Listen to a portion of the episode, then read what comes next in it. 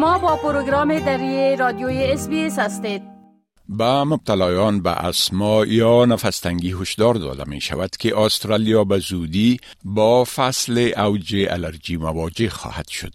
متخصصین می‌گویند که رویداد دوامدار لنین مبتلایان به الرژی و نفستنگی را به خصوص از ابتدای اکتبر تا پایان دسامبر در معرض خطر بیشتر قرار خواهد داد.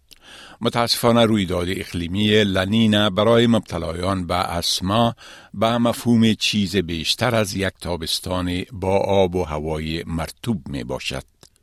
متخصصین به استرالیایی هایی که به اسما مبتلا هستند هشدار می دهند که به خاطر تغییر اقلیم خود را برای فصل الرژی و حساسیت ناشی از هوای طوفانی آماده کنند.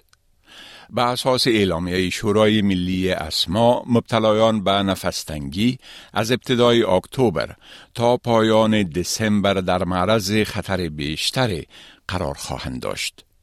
پروفسور پیتر وارک مدیر این شورا و دکتر امراض تنفسی توضیح می دهد که یک حادثه اسمای ناشی از هوای طوفانی و رعد و برق در اثر تنفس گرد و ذرات بطه و سبزه ها که در اثر وزش باد به هوا پراگنده می شوند رخ می دهد. Thunderstorm asthma is a particular phenomenon that we see at this time of year, and it occurs specifically when we get a thunderstorm. We've got all this grass sitting out in the, in the plains, and, and when the weather changes and the wind blows, all of the little grass seeds get taken up into the air. They meet the warm, moist air in the upper part of the atmosphere, and that really leads those seeds to explode. برای مبتلایان به اسما این دوران می تواند یک تعدید جدی باشد.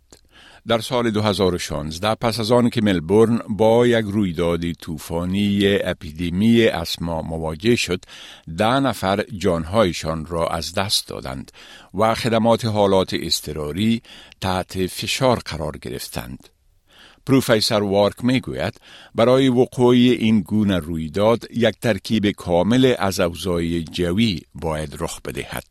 You've got to have lots of pollen in the air. You've got to have the, the right sort of atmospheric conditions happening as well. Um, and then the events occur. And of course, it also struck um, very late in the afternoon, just when people were really out and about and going home from work. So it, it was really the worst of those possible circumstances there. And it really hit the populated northern suburbs of Melbourne hardest. And that really resulted in, in thousands of people having worsening asthma um, either presenting to the emergency departments and, and, sad, and sadly, of course, 10 people lost their lives. جنویو ورگارا کارمند طب عدلی علائم را که او در نتیجه تغییرات سریع آب و هوا احساس می کند توضیح داده و می گوید که وقت هوا سقیلتر می شود نفستنگی او تحریک شده و به حدس زدن شروع می کند و از چشمانش آب جاری می شود. My asthma is also triggered by sudden changes in the weather. So if um, if the f- air felt like heavier, it would trigger my asthma as well. So it would start with like um, sneezing or like a, a tingling sensation or a, um, like itching sensation in my nose or my throat, and then it would like worsen, develop like other symptoms um, my eyes would get teary, and then yeah, the, the difficulty in breathing would start as well.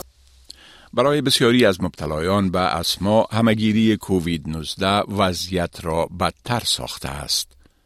خانم ورگارا برای اولین بار در فیلیپین در سن نو سالگی به اسما مبتلا تشخیص شد و تا حال این بیماری دامنگیرش است. اما او میگوید که علائم کووید طولانی باعث شد که اسمای او شدیدتر از گذشته شود. Before it was sort of manageable, but then after COVID, um, it was kind of difficult, more difficult to manage. It was more severe because of COVID.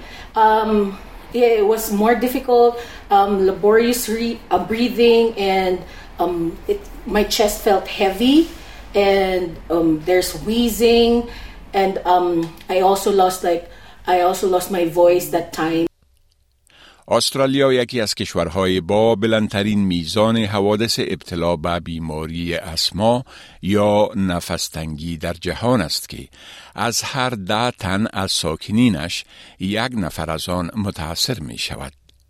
پروفسور وارک می گوید در حالی که رویدادهای طوفان رد و برق بسیار چشمگیر هستند ولی او تاکید می کند که برای هر مبتلا به اسما مهم است که بداند دقیقا در مواقع استراری چی کار انجام دهد.